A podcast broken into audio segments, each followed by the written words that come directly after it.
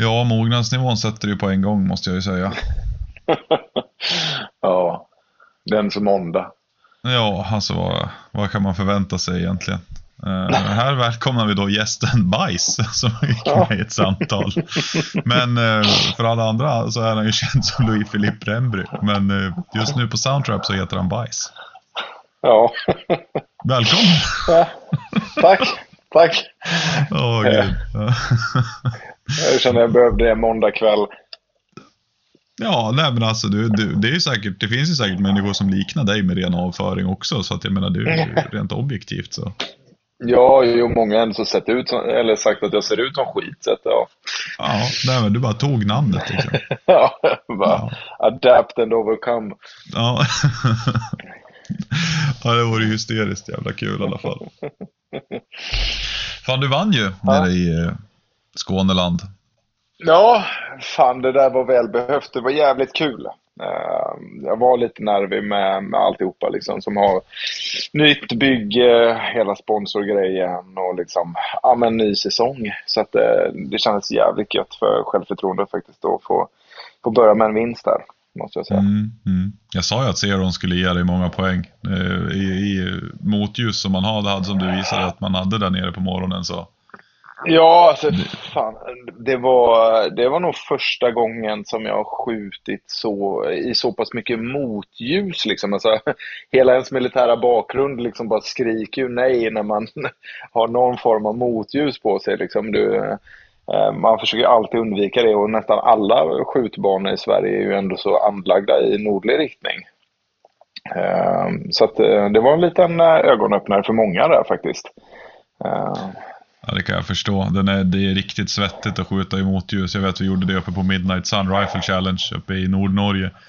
Då fick vi hänga jackor framför optiken och folk fick stå och hålla för att man skulle kunna skjuta. Och så siktade vi in uppe i, i ett björksly på en plåt och sen bara Ja, men det här, det, du här, här har vi någonting som är format fyrkantigt. Det ser inte naturligt ut. Jag vet inte om det är en plåt eller om det bara är träna som spelar med ett spratt, men vi skjuter på den fyrkanten i mörkret. Det var liksom från mörkgrönt till lite mörkare grönt såg det ut som.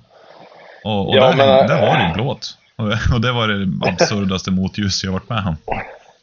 Ja, alltså det var ju väldigt... Nu måste jag säga att Zero, precis som du sa, alltså den var ju jävligt förlåtande i det här. Eh, men det var ju fortfarande jobbigt. Man fick ju sitta och dra ner liksom kepsen för det var ju liksom från ögat till själva okuläret eller man ska säga som, som blev jävligt påfrestande också när du har sol som är lite från sidan rakt in liksom i ögat. Där. Men det var ju så pass illa så att vissa fick ju liksom total whiteout. Alltså de såg ingenting i optiken och fick avbryta eh, stationerna. Så att eh, där eh, fick man väl eh, återigen liksom vad, vad är skillnaden mellan bra optik eller ja, premiumoptik och kanske instegsoptik? Det är ju sådana där förhållanden man verkligen känner att det är värt det. Så har man ju sett på fältskytte några gånger också när man är ute och får en station sent på eftermiddagen och ligger där och så glider solen ner och det, ja, har man en bra glugg då, då tjänar man mycket på det. Jag vet när jag började med min första PST Gen 1 och man sköt emot sol liksom. Man bara, ja ja, godnatt. Ja, jo men så är det. Och sen så vissa hade väl lite förklaringar efteråt. Det var väl en som sköt med en Delta Javelin tror jag att det var eller något liknande som sen liksom började analysera det här hemma tillbaks liksom kolla motsolsskyddet var ju liksom typ klarlackat inuti liksom, så att all, allt ljus reflekterades bara rätt in i optiken och skapade liksom ett, ja, att det blev helt vitt. Liksom, han såg ingenting. Det är det fan, det är inte sådär jävla, alltså det känns inte som att man har gått grundkursen om motljus, motljusskyddet är klarglans på insidan liksom. Nej, inte riktigt. Sen är det klart det är enkelt fixat eh, för en själv att bara typ spraya den, men det är ju inte riktigt det man vill ha i motsolsskydd, liksom, att det är klarlackat. Nej, det listar man ju ofta ut när man väl behöver det. Eh, vi hade en intressant grej där Tobbe Lagnebäck gjorde ju så honeycomb eh, insatser till Razer Gen 2 ja. Och de var väl en des, fan var de, 5 centimeter, eller om det var det, om ens det, långa. 5-6 centimeter eller något sånt där på sin höjd. Som man var förde in i frontlinsen liksom. Mm. Och den motsvarade, hade han gjort någon uträkning, Tobbe är ganska smart, han är ju ingenjör till skillnad från oss andra outbildade idioter. Mm.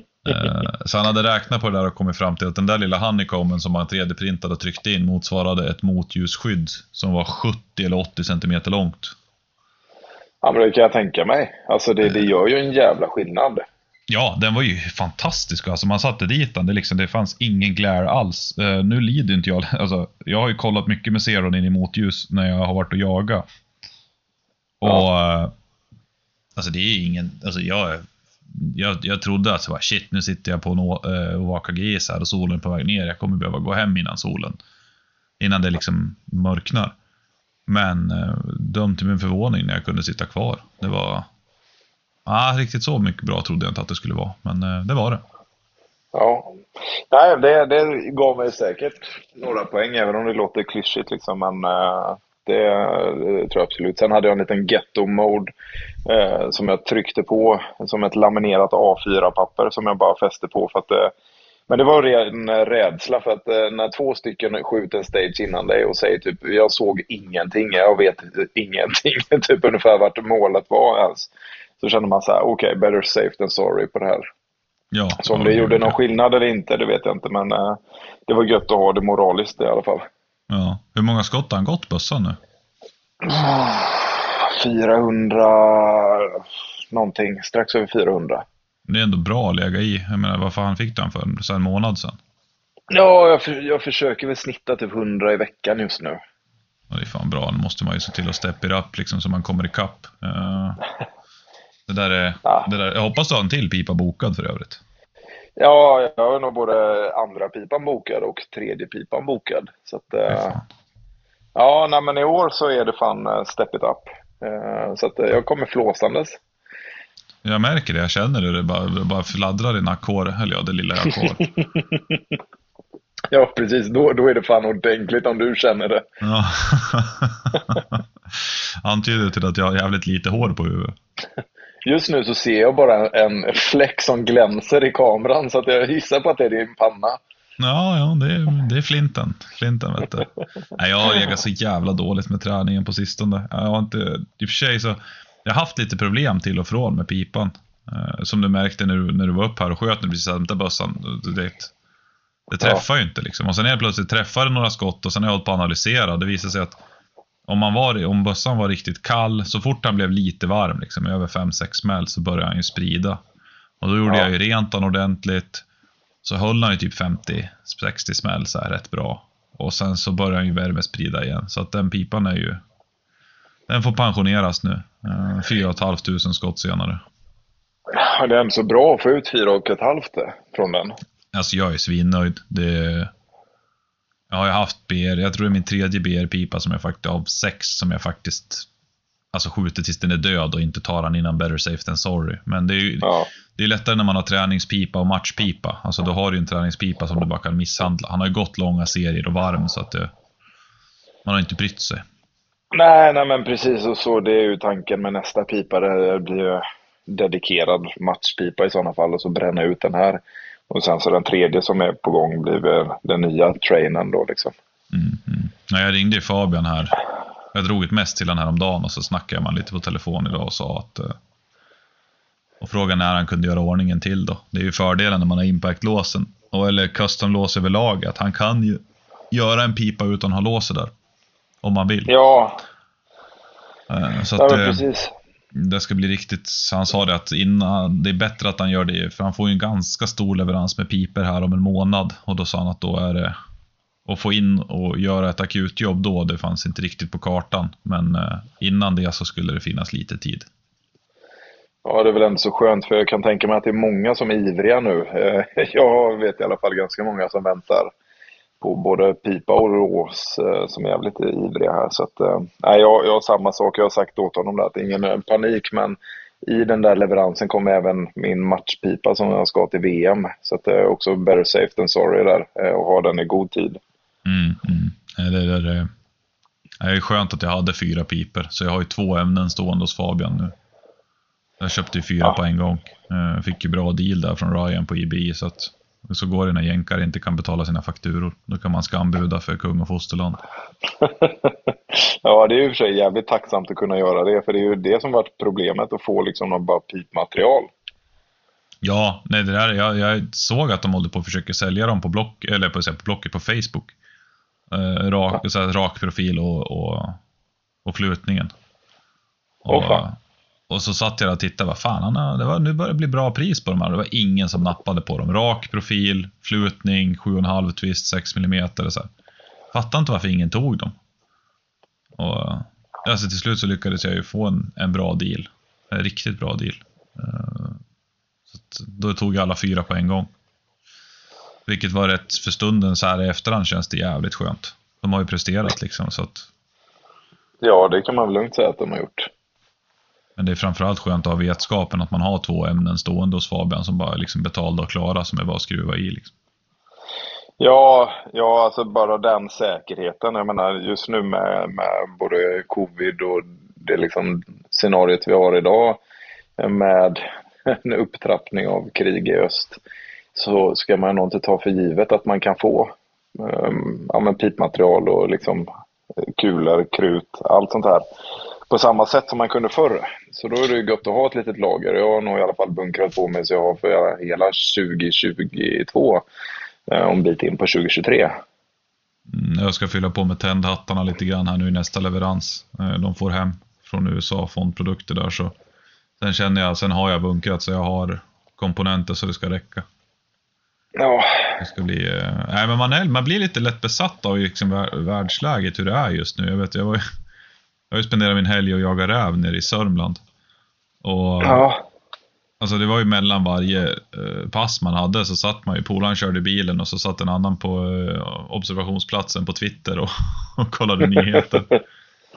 Så. Ja, man, man blir ju det. Jag satt, eller, det var ju samma sak på matchen också i helgen. Liksom, mellan stages så, så får man liksom eh, ja, men, eh, diverse olika nyhetsuppdateringar hela tiden. Det är svårt att släppa det liksom.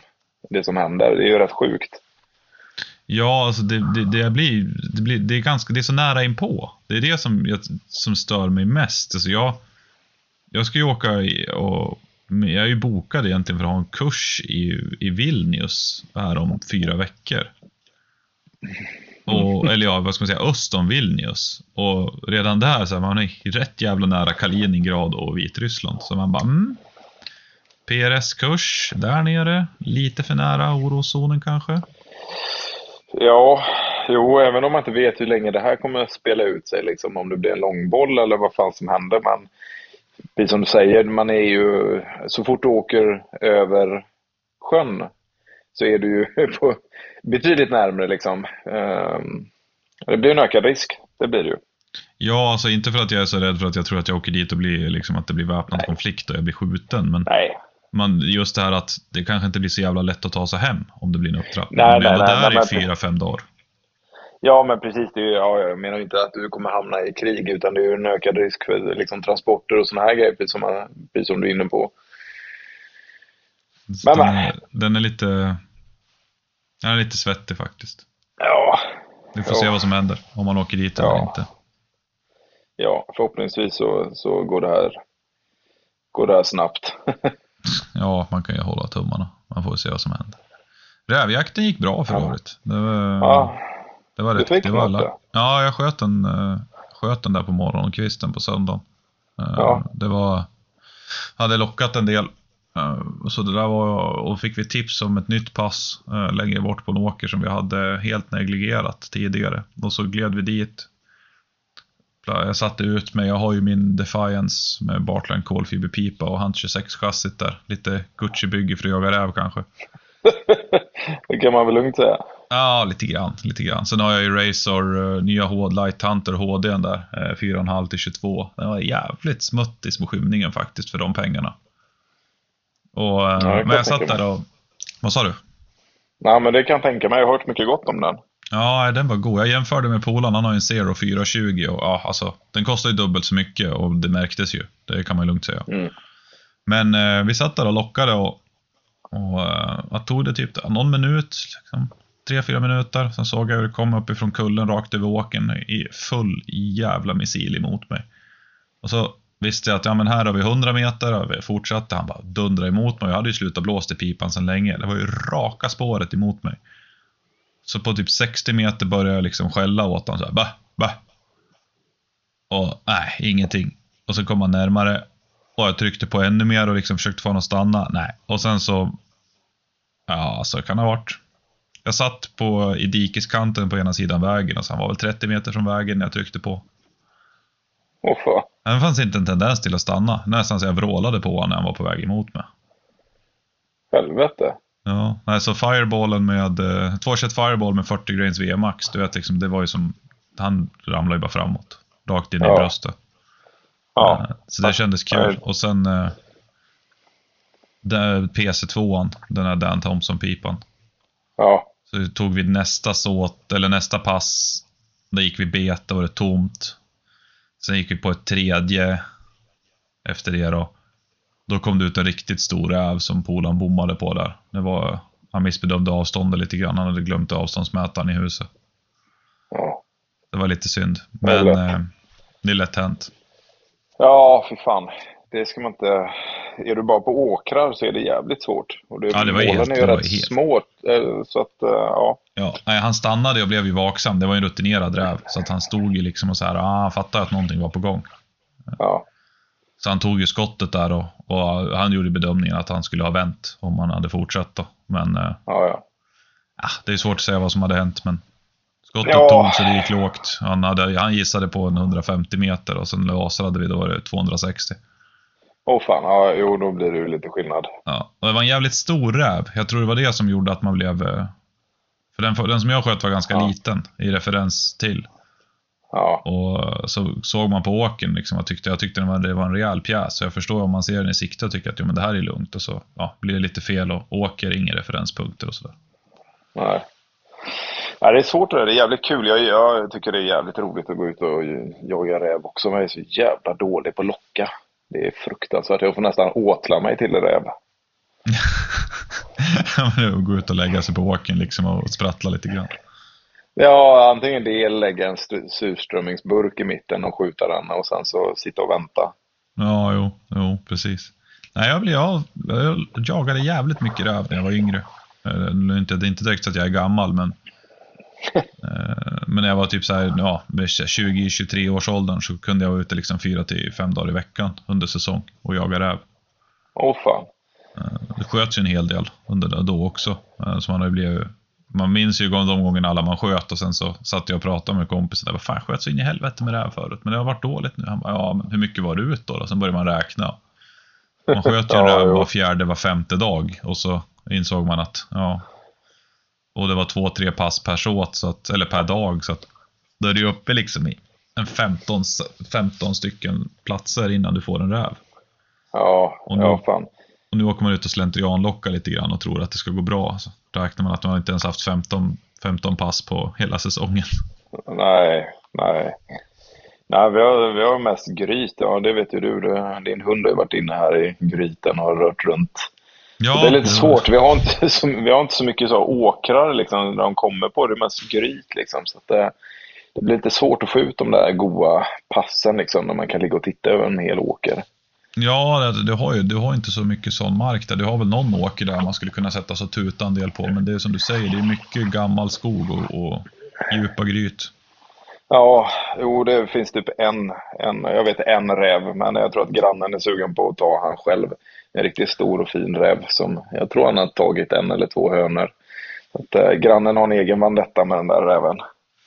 Ja, ja, jag har, den har man haft några gånger ute på, på fruns gård. När de har varit inne och gjort rent hus. Då får man gå ut med väpnad insats så att säga. Ja. ja. ja, men du har haft en bra helg ändå. Ja, det var... Det gick åt någon flaska rödvin där. eh, Jag och Anna och, och polaren där då. Så vi käkade ryggbiff och drack rödvin på efter vi hade jagat. Och sen upp tidigt på morgonen och ut och locka lite. Och sen eh, satt man ute i solen den fina söndagen och tog det piano innan man var ute och körde en kvällsåt lite grann. Och sen så fär man hem. Fan vad hemma. Ja, fan, ja, vädret har ju varit kanon.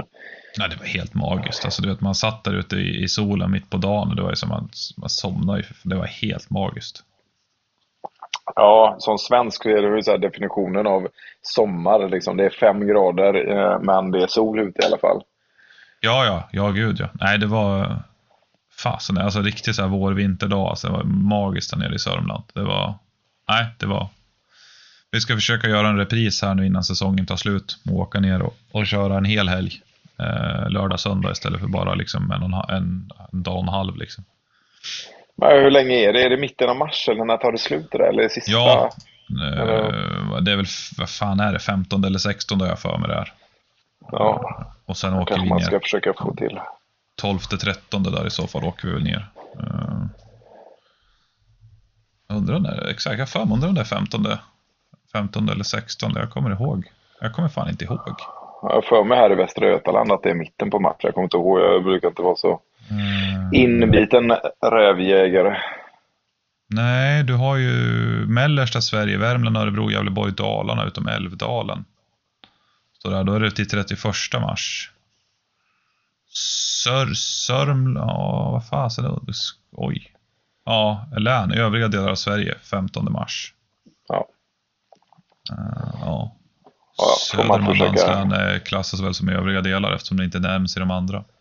Ja. Ja, då kanske man ska kolla med grannen om man inte vill bli av med den där räven. Ge sig på och locka lite och försöka få upp den där. Mm, mm. Ja, jag, jag, jag har blivit aggressivare och aggressivare på rävlocken på så, när man har ett pass. Liksom, så. Det, förut så brukade jag sitta en 30-40 minuter och tuta med lite jämna mellanrum och sådär. Men jag tycker att det går bättre om jag bara liksom ger en kvart på varje ställe. För jag menar, kommer Ja. de inte inom en kvart där så har jag i stort sett alla som jag har skjutit på lock har kommit inom 10-15 minuter. Om inte snabbare ändå. Ja. Så alltså rent statistiskt sett så jag, ska jag kommer nog sist nästa helg, jag tror vi kommer att köra ganska många pass och sen köra bara en kvart på varje och sen åka vidare till nästa. Ja, och sen jag tror att kanske är locka så. om det på kvällen. Ja. Fan, nu blir det en jaktpodd här. Rävjaktpodd. Ja, ja men det är det grejen är, jakten är ju det som man brinner för. I alla fall jag. Alltså skulle jag. Om någon skulle komma fram till mig och tvinga mig att välja mellan jakt och skytte, då hade man ju valt jakten rätt fort. Ja, fan. Det är, det är ju ändå så magiskt kul med jakten. Jag, jag håller med dig. Jag tycker, sen är jag ju mer för drevjakter än vad jag, vad jag är för sånt här. Men det, det har ju sin charm liksom. En vacker. Att antingen sitta liksom på morgon eller kväll liksom med en soluppgång och så. Och liksom se någon räv komma över ett par åkrar eller någon gång här har vi haft till och med liksom så man kunnat locka liksom med räv över, över sjön när det har lagt is på liksom. Mm. Det, är- det är ju fan magiskt med lite månljus och grejer. Mm. Ja, den är, den är riktigt vacker. Usch, usch. Nu blir man ju inte jaktsugen alls här när man sitter. Nej, inte för fem öre.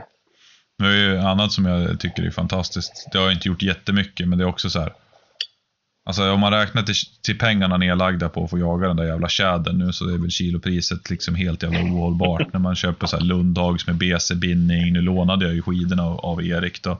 Men också återigen den här jävla fireballen. Alltså, och sen har jag inte skjutit en jävla fågel med dem. Vi var skidade två, vad drog vi? Två, två, två, två mil på två dagar. Jag hade så, fötterna var så jävla svullna. Jag är helt orutinerad att åka skidor. Och Erik gick det- runt och så här, i två dagar och gjorde narr av mig. Bara, men lilla gubbe.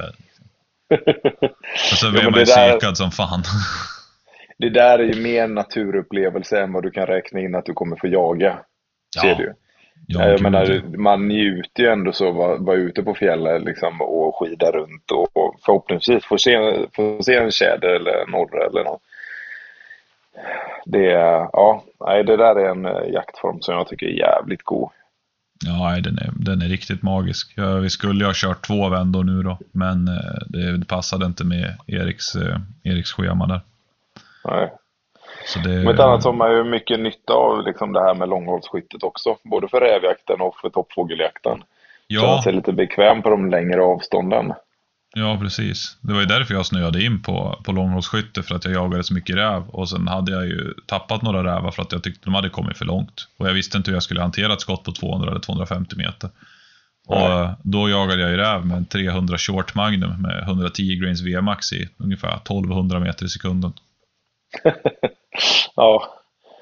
ja det, det är ju eh, lite, lite annorlunda idag när man kan sitta med liksom en, nästan ett, eh, en kaliber anpassad för just det där och liksom en, en rangefinder, eh, en Fury eller någonting liknande liksom och bara lasra in avstånd och göra en, ja, en perfekt bedömning. Jag menar, det blir inte mycket bättre jakt både för liksom djurets skull och för ens egen med det där.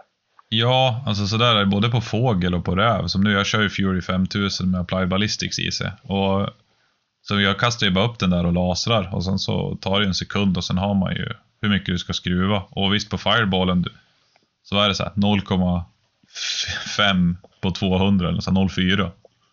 Ja. Uh, så det, det motsvarar att du skulle köra liksom en 108 grains eldmatch i ja, 910 blås liksom, i en 6 mm. Och så kör man det med en liten 40 grains kula.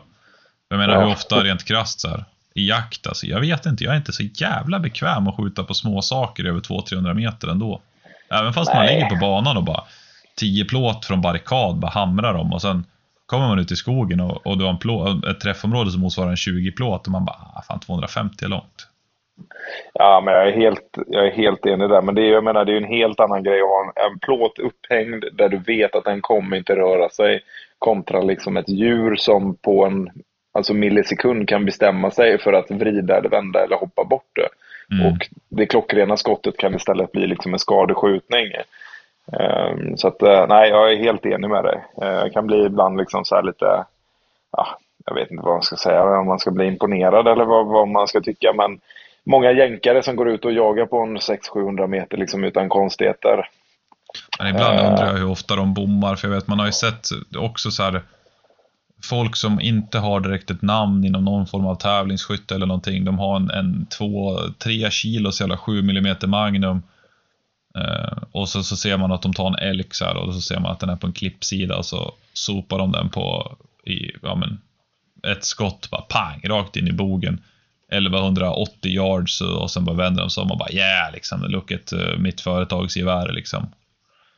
Ja. Och så vet man själv att men att dra in, visst en elk är som en, kron, en stor kronhjort, men det är fortfarande liksom 1100 meter med en bössa som väger skit och ingenting. Det är ja. svårt att tänka mig att det var första skottet. Alltså, vad jag förstått mig på så när man pratar med de som är lite ärliga i det där, så kör de en sighter, kanske 150-300 meter åt sidan på en sån där bergsvägg och kollar vart vinden ligger. Ja. Uh, så det är tydligen, det är inte jätteovanligt. Så att man får ju ta jänkarna med en nypa salt som med allt annat.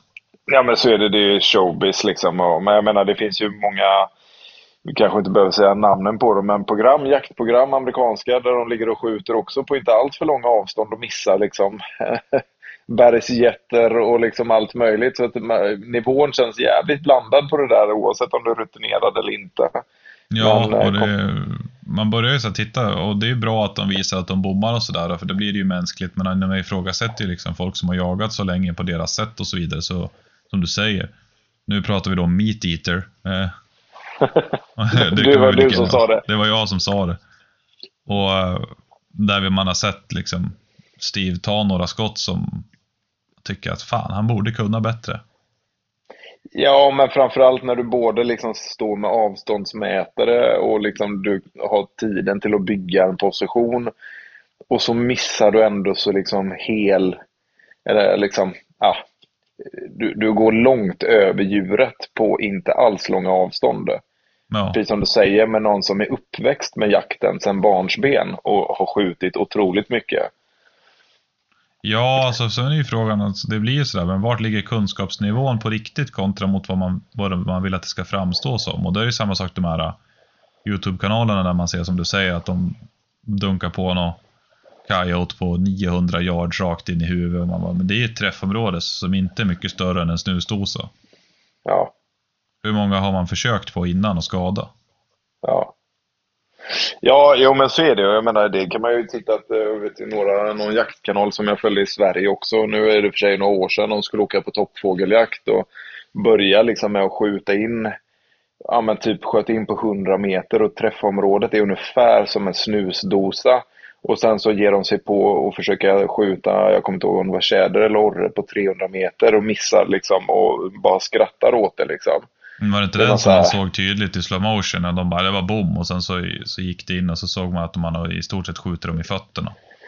Ja, jag kommer inte ihåg exakt vad det var, men det är något liknande där också. Så att, eh, det, det finns ju en, en uh, tydlig, liksom, vad ska man säga, utbildningsnivå hos den, uh, ja, den vanliga jägaren och det kan man väl se, eller det ser ju vi på klubben också, att det kommer många jägare som vill bli bekväma med att skjuta på längre avstånd. Uh, så att, ja. Det är bra att de söker sig till och vill bli bättre istället för att bara arrogant ja. försöker varje gång och sen bommar.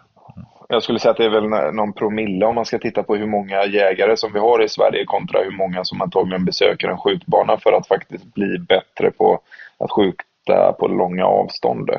Ja, jo, man vet ju det. Jag har, inte, jag har ju som sagt jag har jagat sedan jag var... Liksom farsan tog med mig på pass med, med varm och boj och en ljudbok på den tiden. Så det var det kassettband och Disney liksom.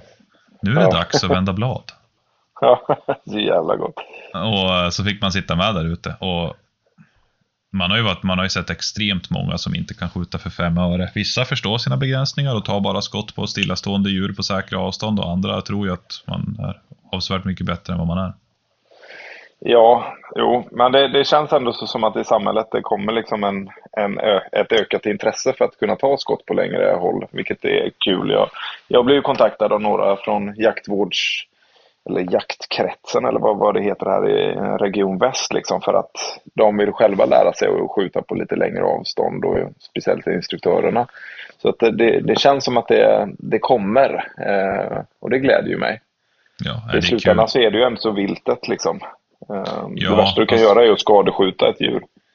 Ja, alltså det, alltså jag, jag har väl ganska, jag har man får mer och mer empati ju äldre man blir. Alltså när man var 20 så var det bara slay to kill. Och uh, så nu är man liksom 33 och man, man, man, känner, ja, man, man, blir, man känner alltså som den där räven man sköt. Man gick fram, den var jävligt fin. Det var inte så att, alltså det, det, man känner ju ändå liksom. Ja, jo men det, det är väl den viktigaste aspekten i allt, att man fortfarande känner liksom. Det tycker jag, oavsett hur, alltså hur många djur man har skjutit så, så känner man ju fortfarande den känslan när du kommer fram till ett djur och ja, det är väl ett tecken på sundhet skulle jag säga. Ja, att man inte är helt tappad i huvudet. Ja. Bara halvt. Bara halvt, ja. Ja, det... Men det, jag kör ju mina kurser lite ibland med Varpsund här. Eh, och det är kul, jag brukar köra ett par, tre om året sådär som de anordnar. Det, det är den tiden man orkar ta sig och lägga på en, en sån där. Och då tar de in anmälningarna, de ser till att skjuta in i sin 100 meters tunnel på, i butiken där, kronograferar, ser till att de har en app, de har all utrustning, allt är inställt. Så när alla kommer ut till mig där, då är liksom det är gjort. Och så kan man fokusera på skyttet. Och det, det är riktigt tacksamt så, för då, och det, det kul är att de kurserna fylls ju rätt fort. Uh, varje år så har de varit på med att Nej, men vi måste ha fler, fler tillfällen, fler tillfällen. Det är så många som vill. Det är så många som vill. Och, ja, det, är, det är ju lattjo, men man ska ju balansera det där med privatliv, vanliga arbetet, skyttet. Ja. Ja, men så, så är det.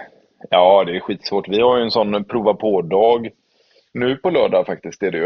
Eh, för att komma och testa PRS och liksom lite långhållsskytte på klubben. Och det har ju blivit ett intresse som jag absolut inte räknar med, så kan jag säga. Det blir fulltecknat liksom på några, ja, på några dagar. Eh, och då har jag inte så utökat det, så jag tror att det är, det är 20 stycken eller någonting som kommer nu. Som visar intresse för detta. Då. Och då mestadels är väl jägare som vill lära sig att skjuta på längre avstånd och sen så vissa då som vill lite inåt PRS-hållet. Så att nog finns det ett intresse. Och, men det är som du säger, man ska ju hinna med liksom och man ska orka med själv i år. Jag försöker ju träna så mycket som möjligt för att satsa på VM. Samtidigt som man då ska försöka balansera på, på den där fronten och kunna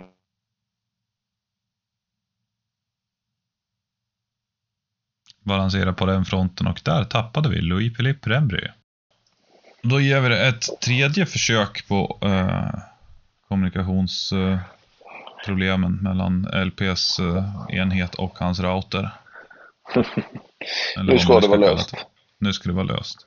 Nu ska det vara löst. Um, ja, VM blev vi flyttat till Frankrike. Ja. Jävligt kul. Ja, det, det är kul på många sätt och vis för många av oss. Men det var ju också en sak som var eh, omgärdat av väldigt många möten och väldigt många dåliga nätters sömn. Eh, när vi ett tag trodde att det här kommer vi behöva skjuta på framtiden. Eh, Ungern som, hade, som jag var nere och besökte och kollade banan, den var ju väldigt fin bana. Väldigt drivna personer som håller på med, med skyttet där. Eh, Lajos och Kund som, är, som skulle vara så som arrangörer då. Och, banan låg ju lite off. Uh, inte riktigt fullt ut den infrastruktur som behövs för att ta hand om liksom, en internationell stortävling. Mm. Så man behövde göra en del förbättringar. Uh, och i och med covid och så vidare så har det varit väldiga leveransproblem till Ungern av diverse saker. Och de flesta organisationer krävde förskott på halva summan. Och summan, halva summan var hela våran budget. Ja. Vilket skulle gjort att vi hade behövt ta i 6000 kronor per skytt till VM, vilket vi inte riktigt kände för. Och vi, hade haft, vi röstade inom hela organisationen då på ett stormöte med alla länder och kom fram till att runt 300 euro är där det ska kosta. Ja. Så det... Vi fick ju dra i bromsen lite grann där och sen hade vi flertalet möten med olika scenarier under, under en veckas tid. Och till slut så kom vi fram till att nej, det går inte i Ungern. Och vi får... Vi gav oss själva 14 dagar att hitta en lösning. Mm.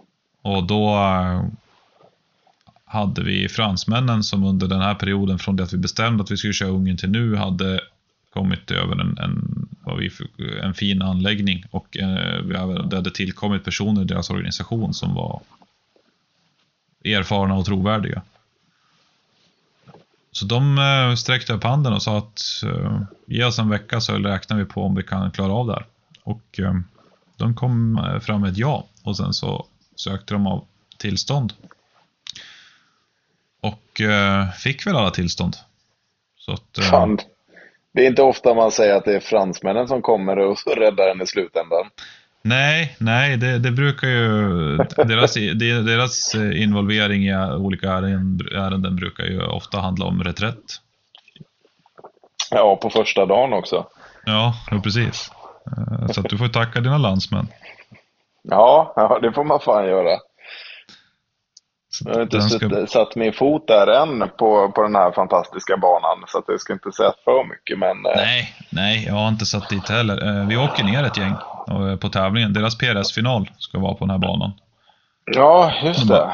Åtta länder, eller nio länder från Europa åker dit och skjuter den finalen och vi är jag, Stigenberg, Oskar Järvi och Johan Lindberg sätter oss på flyg ner till Paris.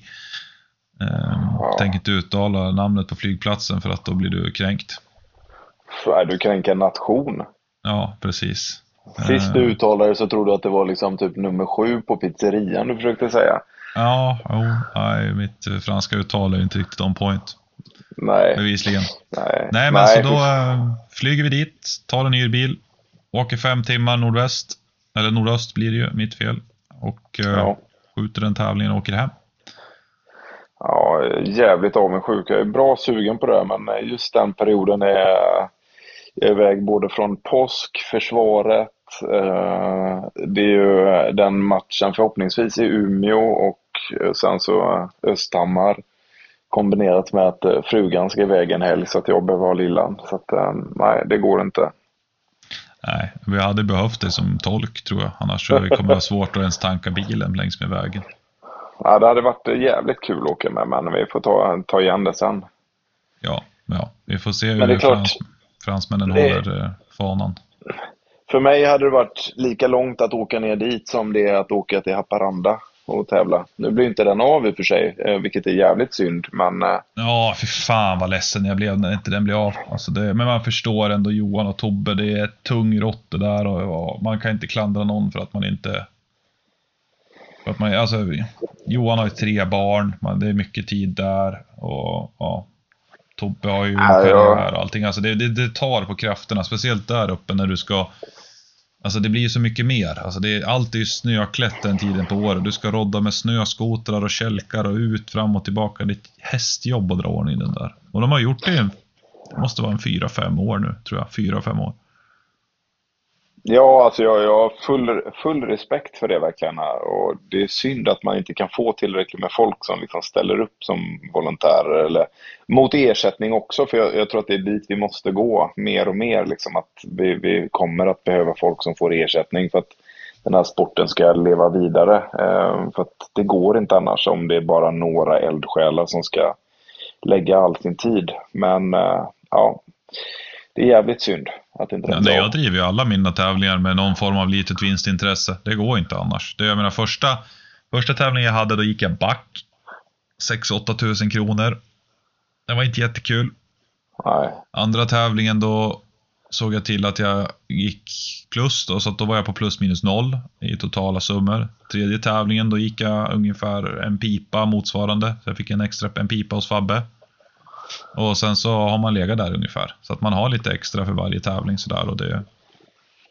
Alltså, sen är ju frågan hur mycket man har extra egentligen med tanke på att man inte räknar på alla möjliga kostnader, utgifter och tid och sådär. Men det är de extra pengarna som finns kvar när man har haft lite utlägg, så då köper man en pipa. Ja, ja, alltså jag tror inte det är någon i den här sporten som hade något emot om en match hade kostat 200 spänn extra så att man kan avlöna lite ROs och lite sådana här grejer. Eh, hade kunnat betala mer än så också. Det, det, eh, så länge det finns matchtillfällen liksom. Jag, jag, jag beundrar dem när jag är där uppe liksom som orkar hålla på. Som, ja. som du säger, det är ett jävla maskineri liksom bara med snön. Bara kunna åka ut, få ta snöskotrar ut liksom bara för att hänga upp plåtar och ja. ja, och sen, hade väl, sen hade det väl gropen som de använt i alla år och skjutit i, den hade de väl schaktat lite grann i och så var det väl någon som tyckte att, eh, att han skulle vara lite duktig och åka dit och jobba lite extra utan att prata med ägaren av gropen då. Och eh, tryckt ner varenda plåt och plåtställ under ett par meter sand. Ja. Ja, vad kul. Det hade väl försvunnit, eh, vad fan sa de? 10, 15, 20 tusen kronor i plåt eller för något sånt där. Ja, det var mycket pengar. Ja, och han sa ju det ja. Johan, man kan ju gå liksom och hämta en metalldetektor och gå runt i hela gropen och leta efter dem, men den är 900 meter lång. Ja, nej fy fan. Nej, det är jävligt synd. För det är ju ändå en av de här ursprungsmatcherna, även om inte jag personligen eh, riktigt kan motivera att åka hela vägen upp dit. Men för, för resten av Sverige så är det jävligt synd. Ja, det, är en, det har varit en fantastisk tävling. Den har många goda minnen. Jag tror jag... Hur fan jag kommer? Jag tror jag har kommit typ sexa, trea och etta på den. Ja. Det var mycket goda minnen. Ja, vi får, känns... vi får hoppas att du med och grabbarna tar, tar Norrlandsfanan. Ja, ja, men jag tjötade lite, eller Tobbe pratade lite om matchen här nu i helgen och det, det skulle väl komma ut lite mer information här snart. Så att, äh, ja, den ser jag fram emot. Vi är redan ett gäng här som har bestämt oss för att åka. Så att, äh, nej, i år känns det som att det är jävligt många som är sugna på matcher. Det är väldigt mycket högt tryck har det varit i alla fall. Ja, jag startade den där skyttekalendern där efter mycket. Många så hade, man såg att många gnällde över att det inte fanns ett ställe där alla var samlade och så.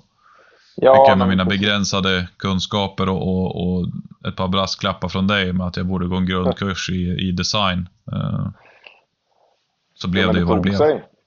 Ja, minimalistisk men bra. Ja, men det är ju det enda man behöver, liksom ett enkelt ställe för att se vilka tävlingar det är. Ja, ja precis. Den, nej, men den blev... Jag ser fram emot den kommande tävlingssäsongen i Sverige. Det ska bli riktigt lattjo. Uh, får se, jag har ju planen som nu är ju att åka, det blir din match där nere, Trollhättan. Mm. Och sen så Frankrike. Och sen så blir det Cold Canyon, New Mexico, USA. Ja. Sen så är vi inne på Östhammar efter det. Det ska bli lattjo. USA ju ja. det. Det har ju bara väntat sedan 2018 på att åka tillbaka. Det är ju diverse saker. 2019 skulle jag ha åkt, men då gick eh, banan som de hyrde för tävlingen, eh, eller, eller den fastigheten, de gick i personlig konkurs och såldes på ex exekutiv auktion väldigt fort. Oj. Så tre veckor ja. innan vi skulle åka så meddelade de att den blev inställd. Så att det är lite svårt då. Så vi bokade av allting och drog till Italien istället och tröstdrack vin. det, det funkar ju det med. Ja, först, vandra, först vandrade vi i Skottland i och för sig eh, och drack whisky. Var på Ayla. Ja. Och sen drog vi till norra Italien och mådde jättedåligt. Det går ju, går ju att göra så också om man vill. men det var inget skytte. Men det går. Nej. Nej, nej, i år ska jag, jag ser fram emot det som fan också. Jag ska verkligen försöka åka på så mycket matcher som jag bara kan mäkta med och familjen orkar med också. Mm, mm. Kommer du... Eh, ställer du upp på ELR-tävlingen? ELR? Ja. Ja, ja, ja. Jag tycker det är en så jävla trevlig tävling överlag, även om jag inte har något ELR-bygge på det sättet. Men jag eh, kör väl Creedmoran igen. 135 uh, A-tipp? Uh, nej, jag tror nog att jag kommer gå på några 143 er faktiskt i år. Okej, okay, okej, okay, okej. Okay. Skjuta några nya GTXer. Det är ju um, samma BC som en 135 men vi får se. Får se vad de levererar också. Det ja, just det. Det är Normans nya kula där. Yes. Jag glömde ju bort att du är en sponsored boy now. Ja, jo, så att eh, det hade jag i och för sig redan tänkt förra året. Jag var lite intresserad av Bondstriken att testa. Eh, efter att ha tjötat med ja, en som eh, jobbar på Norma där. Som, efter du hade ett litet reportage om, var, var det för 308 du hade testat? Ja, eller vilka jo, var det? den... Ja. Så, så gick ju de tillbaka och gjorde grundkursen i ballistik. Så att det finns ju allt du någonsin kan förvänta dig. Typ på, I alla fall 6,5 jag mm. vet inte hur 308 är, men det var ju med dopplerradar och det var ju hela faderuttan. Ja, de fick väl en, en, en, en verbal skämskudde från mig angående hur man hade räknat BC på dem. Ja, det var väl inte bara du, det var väl ganska många som upptäckte det där sen. Att det, ja, det BC jo, som fanns det var, där var det var, Jag var inte ensam. Nej. Så att, det var bra eh, att de lärde sig. Ja, jo, det får man ju se. Uh, man får se det som att det, det är jävligt positivt. Så, nej, eh, så i år blir det att testa den i alla fall. Mm. Ja, det... Jag får se. Ja. Det fanns, mäktar inte riktigt med att lägga till bygge, ett custombygge för ELR-projekt som man använder en gång per år. Nej. Eh, för Nej. tillfället. Det får komma längre fram. Jag köpte ju min begagnad eh, till ett sånt pass bra pris att jag liksom, det är så här, jag, kan, jag kunde inte backa liksom. Det var, Eh, det var ett fantastiskt pris. Jag låg ute på, hade legat ute på ja. Robsoft ganska länge. Byggd av Fabbe, Batmachine, 300 Norma Magnum, 8 twist i pipan och sådär. Så jag håller ja, på med en 28 tum Spartline nu som jag håller på att labba med 250 grains A-tipp. Med Vitavori ja. 568 som eh, hittills ger upp i 860 och det som upp, öppna slutstycke är ja, ingenting. Jag ska se hur långt jag kan gå. Det finns ju ingen ladddata på det där. Nej, nej, det kan jag tänka mig. Du får trial and error på det. Ja, men eh, kollar man i Gordons reloading tool så verkar maxtryck ligga runt mellan 900 och 910 med 565 och 570. Och den här är ju mitt emellan så jag hoppas att jag ska kunna nå uppemot 900 men... Då har du lite kvar då? Ja, förhoppningsvis. Vi får se. Det ska bli spännande att testa fram det här nu under våren. Men de är ja. förbannat jävla långa de där 250 när Jag tog upp freeboarden för att jag inte skulle sätta mig ner i donutområdet och Fabbe bara ja. garvade åt mig när jag gjorde det. Han tyckte att den var hästlång. ja, det kan jag i och för sig köpa. Det, ja. Men det är jävligt gött att bygga. Det måste man säga. Jag måste avyttra någonting. Jag har fullt i skåpet just nu så jag måste avyttra någonting. Ifall det kommer något, precis som du säger, något sånt här gott eh, ja, begagnat. Jag har varit, varit lite sugen på något enkelt som 6,555 AI eller ja, någonstans där. Jag får se. Ja, alltså det, nu börjar det ju kännas nästan som att vissa har ju gått över och, och du vet jag, jag fotade när jag var och tog upp freeboarden så hade ju Fabbe en 33XC stod där i, i, som någon av oss ska bygga. Och det var ju ett, vilken jävla patron alltså. Det var ju så här, ja. Hylsan var ju lång, alltså den var jättestor.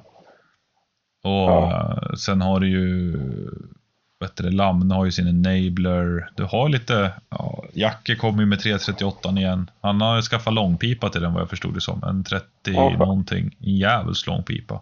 Helvete, ja. 34 tum eller vad han var på. Jag kommer inte ihåg. Han drar åt satan. Ja, den är gedigen. Ja, vi har ju Robin här och lite annat som är riktigt dedikerade med sin 338 och svarvare och liksom och, ja. Ja, det finns den, ju... den har ju potential. Ja, ja han, han har ju varit på banan ett par gånger nu liksom och predikat om liksom de nya grejerna liksom med med tändhatshålen och liksom lutningar på det och sättdjup på tändhattar. Så att han är ju riktigt uh, down the rabbit hole just nu och kommer nog bli rätt farlig. Mm. Ja, jag vet inte vad jag har för förhoppningar när jag åker dit, men det kändes som om att det är bara att göra. Ja, men jag tyckte det är en sån jävla härlig stämning bara att åka dit, för det är liksom inte som en tävling. Alla är med där liksom bara för, att testa sina egna gränser. Ja, och ehm. eh, för att citera Nate Dogg då, kåtast i Kungsängen, eh, umgås. Precis. Ja, umgås och ha det jävligt kul och eh, försöka förstå vad de här danskarna säger eller vad de tittar på. Ja, jo, jag hoppas de kommer upp eh, i år igen. Det vore ju lattjo. Ja. Jag lyckades ju sno åt mig en Tuborg där från flaket när vi var klara, så det var, det var jag väldigt tacksam för. Skräll att de hade en kyl, kylbag fylld med Tuborg på flaket.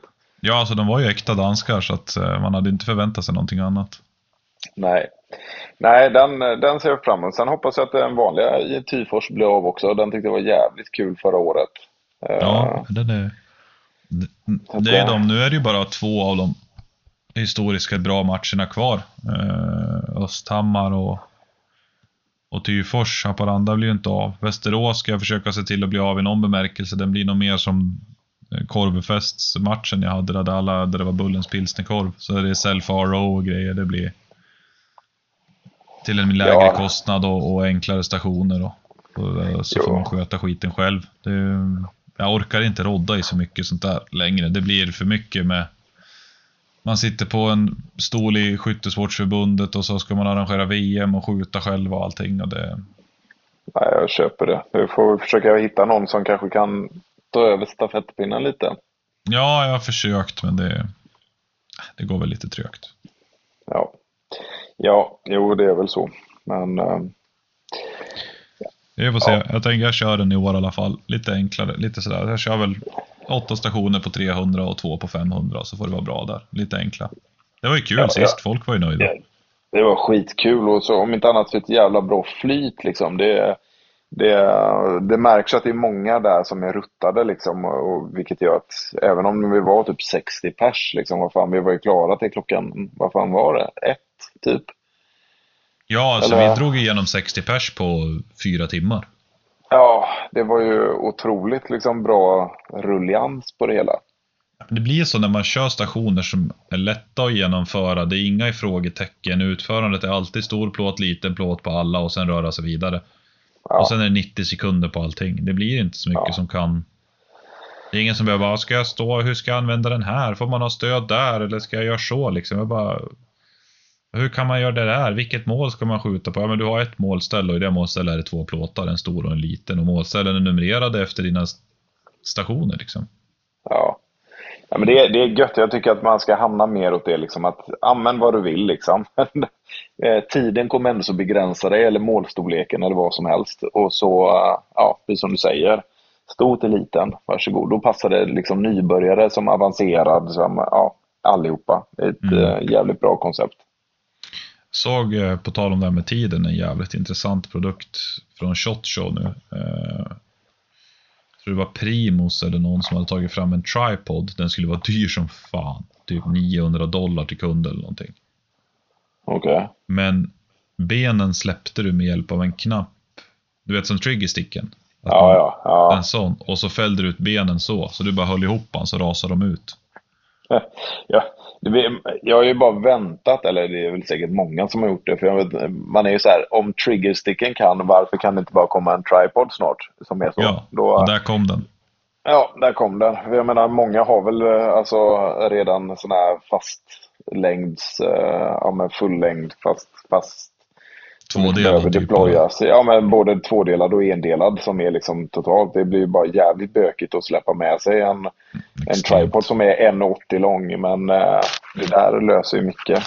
Ja, det ska bli jag vet inte om den kommer att komma till Sverige någonsin. Jag tänker nog inte betala 900 dollar. Och jag menar, kostar den 900 dollar i USA så kostar den fan 14 000 i Sverige. Ja, fan det finns inte på världskartan. Då tar jag hellre tre sopkvastar nästan och tejpar ihop. Bara av principskäl liksom. Ja, bara principskäl liksom. Fan, ge 14 000 för en tripod. Men ja.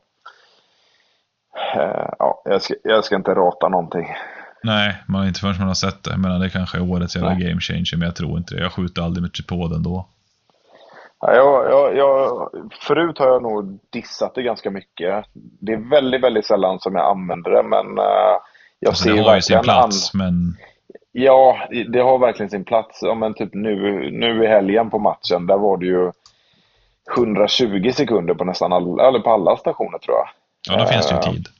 Ja, men precis. Då, då fanns ju den liksom en som en valmöjlighet. Så det var väl några som körde flitigt eh, med tripoden, men det gav ju ingen fördel på de flesta stationerna. Några sådana här vingliga grejer, ja men där har du ju det. Men att börja deploya en, en tripod till en tank trap i min värld finns liksom ingen användning alls. Nej, nej den är... Speciellt inte nu när du har köpt dig till dina poäng med en custombössa. jag bara väntade på att det där skulle komma liksom. Ja, ja, Jag, jag, jag, fick det direkt typ. Någon sån här, ja ja, så ja, så kan man köpa sig till vinst. Jajamän. Ja, jo för det, alltså det ger ju poäng, det ska man fan inte sticka under stolen om. Men, Nej, det, men alltså, det, det, det, blir ju överdrivet liksom. Ja, men det är det liksom. Annars länge lever kapitalismen, men uh, i all ära, men det är liksom, som du säger, det, det, jag kan inte säga något annat. Liksom. Nu har jag hittat bra komponenter och det, visst, det kanske gav mig två, tre poäng. Det, det kan nog inte sticka under stolen. Um, bra optik som inte hade så mycket problem med det här motljus. Um, välbalanserad bössa som skjuter tätt. Um, bra säck liksom. Ja, nej. Men det ligger liksom en hel del träning bakom det också. 400 skott på en månad träning och så vidare. Ja, typ så. Ja, typ så. Ja, försöka snitta det i alla fall. Ja, jag, men det, man får ligga där liksom. Jag har legat på... Så det blir nog nästan 100. Alltså inte riktigt. Jag har inte dragit... Jo, vad fan blir det? Jag har skjutit 4,5 i den pipan. Och 1500 i den andra. Det var uppe i 6000 skott på 16 månader. Ja. Uh, huvud, huvudräkningen har inte riktigt varit min grej. 6000 delat på 16. Det är 375. Fyra. Jo, men det är det. Ja, då har du ungefär där. Ja, ja, men så är det. Och där är ju, för, för min del är det 400 smäll som är, som är pangat. Sen vet jag inte hur många dagar, eller jag, jag har försökt nästan varje dag bara ta ut bössan och torrklicka lite här på, på, ja, på altanen eller något liknande. Mest bara för att bli bekväm med att gå från chassi till kolv. Ja. Eh, det är lite annat hur du kan greppa. Liksom. Du kan inte lyfta bössan på samma sätt som med chassi och sådana grejer. Så det ligger den här månaden så har jag ju lagt ner otroligt mycket tid eh, på att bara bli bekväm med det. Alltså det där, fan jag måste ut och träna mig nu. Jaktsäsongen är snart slut. Nästa helg åker jag till äh, åker jag och farsan och kollar på fotboll i, och syrran då i England. Åh jäklar vad gott. Ja, det ska bli äh, smaskigt. Det ska bli Även trevligt. om inte jag är intresserad av fotboll så lät det ändå så jävligt trevligt. Ja, men alltså jag tycker om att kolla på fotboll. En bra live-match. Vi var ju i Tottenham. Eller vi kollade Tottenham-Liverpool på White Hart Lane för 12 år sedan kanske. Och sen skulle vi varit uppe och kollat på Liverpool hemma och så blev det ju Eiffjatla Jökull-explosionen och sen så blev det ju ja. covid och du vet allt. Så nu är det väl tredje försöket så att vi ska försöka. Ja. Vi får se om det blir världskrig innan dess. Ja, men, eh, nej, men sen, och sen helgen efter det, då är det sista säsongen på rävjakt, eller sista helgen på rävjakten. Så jag får väl... Men fördelen nu är att nu börjar det bli så pass ljus på eftermiddagen att man hinner fan iväg en liten sväng när jobbet är klart alltså. Ja, men precis. Det är alltså en jävla skillnad med det där. Ja, för sen är det ju match hos oss. Då får du fan visa framfötterna, för då kommer det ja. lite motstånd. Ja, jag vet. Det är för jävligt. Kan inte låta liksom norsken komma hit och slå dig? Kommer Gundersen? Jajamän. Åh fy fan. Ja, ja. Nej, det, det, så där, det, kan, det går inte att hålla på med. Nog för att han är jävligt trevlig, men det där tänker jag inte ge han. Nej, han kan inte bara komma över gränsen och vinna liksom. Det finns inte. Han har gjort det en gång. Han är mallig nog för det. Ja, man får inte, ja, nej, det, de blir så jävla dryga när de vinner norrmännen. ja. Det är ju därför, det är därför en norsk har ju aldrig vunnit en, en stor tävling i Norge när svenskar har varit närvarande. Eller ja, aldrig. Sen typ 2017. Ja, nu åkte de väl på spö med dansken som var uppe, Mattias. Ja, just ja. På, just uh, ännu roligare. så till och med danskarna kommer dit och spöar dem. Ja, nej, det här, det här är inte alls att vi trakasserar norrmän och försöker få dem att, att komma över och vara lite arga. Det vore bara kul. Men de är trevliga i alla fall. Ja, det måste man ge dem. Uh, nu tänkte jag säga ja. att Runar är jättetrevlig, men han är ju inte ens norsk, han är ju islänning. Ja. Så det gick ju åt helvete. Ja, så att man kan tekniskt sett säga att, man, man kan säga att när han vinner så är det inte en norsk som vinner heller. Så att... Nej, precis. Och sen har du ju Nej. Mikael Brogard där, han är ju dansk. Dansk också, ja. Jajamän. Ja, ja, nej, det, nu, de, de har väl, vad heter han, Jarnes och sen har du de där två grabbarna, de är fan vassa ändå. Ja, det finns, det finns faktiskt en del vassa där. Det, det kan man inte sticka under stolen. De har klivit upp ett par, par steg på trappan de sista åren måste jag säga. Ja, jo, men det finns ju ett gäng. Jag vet när jag började kolla lite på norrmännen så kändes det som att de låg ett par år bakom och de som vann var de som hade liksom tittat på amerikanska ligan och kopierat. Eller ja, men typ som i Sverige egentligen. Typ som vi gör, copy-paste. Ja. Nej, men det är ju sådär liksom. Om, hur många aktiva sportskyttar har vi kontra hur många aktiva sportskyttar har de? Och ser man då Det där är ändå så här, Ja, det finns ju ett mönster, men om du ser till per capita per jägarantal så ligger vi långt före. För det är som så NRL Hunter som det blev en referens till här för ett tag sedan. Folk bara, ja men fan kolla på NRL Hunter, det är så jävla stort och det växer och allting. Och så var man inne och kollade deras listor med faktiska deltagare. Då har de haft åtta matcher med totalt 200 deltagare. Ja. ja det, är det, ju, det är liksom ett, fan ett skämt egentligen. För att vara USA. Ja, för att vara så stort, visst är det så. Jag tänkte mer bara på att de ligger lite före oss överlag. Har lite enklare för att ändra lite eh, system och vapen och ammunition och mer åt det hållet. Ja, det är alltså lite de... krångligare för oss att bara byta en pipa än vad det är där borta. Ja, och sen de som skjuter mycket där skjuter ju jättemycket. Om du kollar på de som tävlar ja. väldigt mycket i PRS-serien, det är ju så här. Ja, varje eller varannan helg skjuter de två dagars tävling. Det var ja. en kille där, om det var, om det var Matt Brousseau, någon av de här stora killarna som jag kollade tillbaks något år sedan och följde dem. De hade skjutit så 60 matcher på ett år. Ja. Och så börjar man ja. tänka, men vänta nu, så 60 matcher, det är fler än vad det är veckor. Okej, okay, vilket ja. betyder att när han inte har skjutit en två dagars match så har han skjutit två endagars matcher. Ja. Varje ja, det... helg. Och det är så här, det är helt bananas. Då kan du tänka dig liksom den ekonomiska kostnad bara för det ja. också. Ja, alltså många av de där i toppen de får ju kulor och krut och pipor och allting gratis. Men det är det att de som tror att man går runt och livnär sig på att skjuta PRS i USA, de tror ju väldigt fel. Ja, alltså, jo kost, det. det många av dem har ju välbetalda jobb och lägger ner stora summor på det där. Och visst, de kan få lite sponsring, någon skjuter för ett visst en tillverkare av lås och får 400 dollar i månaden. Liksom. Ja, det är jättebra, men det täcker inte ens flygbiljetten till en av matcherna. Nej, nej. Nej, det, det är fan dedikerat på riktigt liksom. Mm, och det ser man ju. Det, det är, många håller i en kort period och sen så börjar de tagga ner. Liksom. Du ser ju flera av toppskyttarna som var stora i USA för ett år sedan eller två. De syns inte lika mycket längre. Man, eh, det, det, finns liksom ingen ekonomisk vinning i det, vilket gör att man håller på en viss period och sen så sen börjar man prioritera annat. Ja, men, men någonstans så kommer ju verkligheten i kappen också. Liksom. Du har en familj som kanske vill börja se dig lite på helgen också. Liksom. Och det, det, är, det är klart att du orkar hålla det liksom, kanske ett, två år.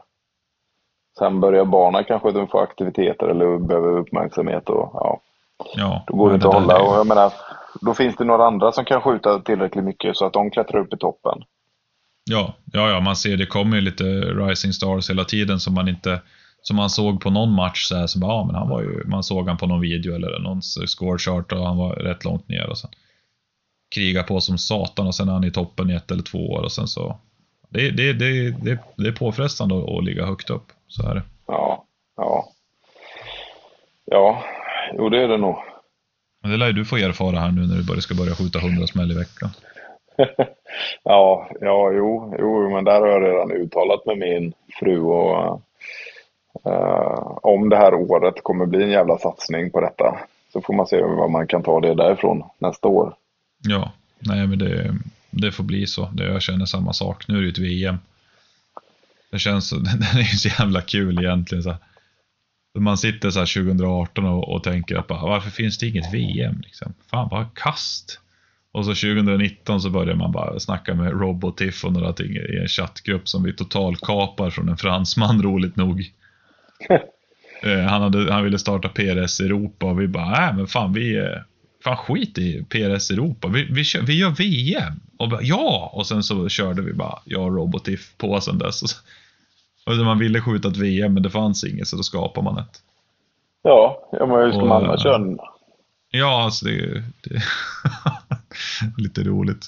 Men eh, jag tror det här är, det här är året, det, är nog, det är ju varannat år kommer det vara. Så ja. om det nu inte blir världskrig, eh, vilket jag hoppas att det inte blir, så är det nog det här VMet som man har chans att skjuta. Annars så tror jag att det är svårt att hålla nivån om två år.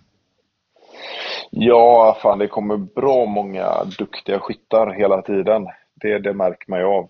Eh, det kommer bli hård konkurrens framöver. Det är bara att kolla Adam, Drängergrabben, liksom, hur fort han har utvecklats. Ja, ja, ja. Alltså det, uh, han är en och jag vet ju flera på klubben som vi har liksom, som är, uh, kommer jävligt snabbt liksom och är duktiga. Så att, uh, men det är ju det, alltså du, du, måste satsa fullt ut också på det. Ja, det där, alltså, som är skillnaden för många.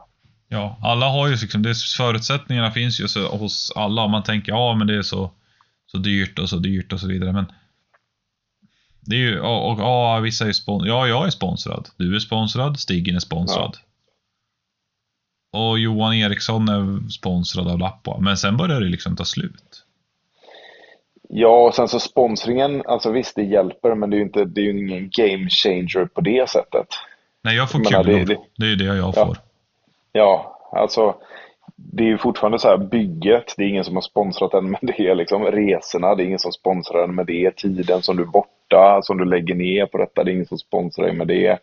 Det, det är liksom så att du måste verkligen dedikera dig för att hålla en nivå och komma upp. Och det, och det kan man väl se, det är ju alltså alla som är på väg upp eller är uppe, det är ju de som dedikerar sig till detta. Ja, man måste ju, det blir ju prioriteringar. Man kan ju inte köpa fancy fun stuff hela tiden utanför skyttet. Ja, som sagt, jag, den, den ena, enda dator jag äger privat, bort nu har jag en jobb-laptop liksom. Den andra, den är, köpte jag när jag var 19. Ja. Min TV köpte jag när jag var 19. Ja. Du har ju, du har ju varit hemma hos mig, det är inte direkt så att jag har överdrivet med fina grejer. Nej, i vapenskåpet har du det. Ja, jo, men det är där också prioriteringen har hamnat. Så att, ja. Det där man, får men man måste prioritera och ta sig tiden. Eh, ja.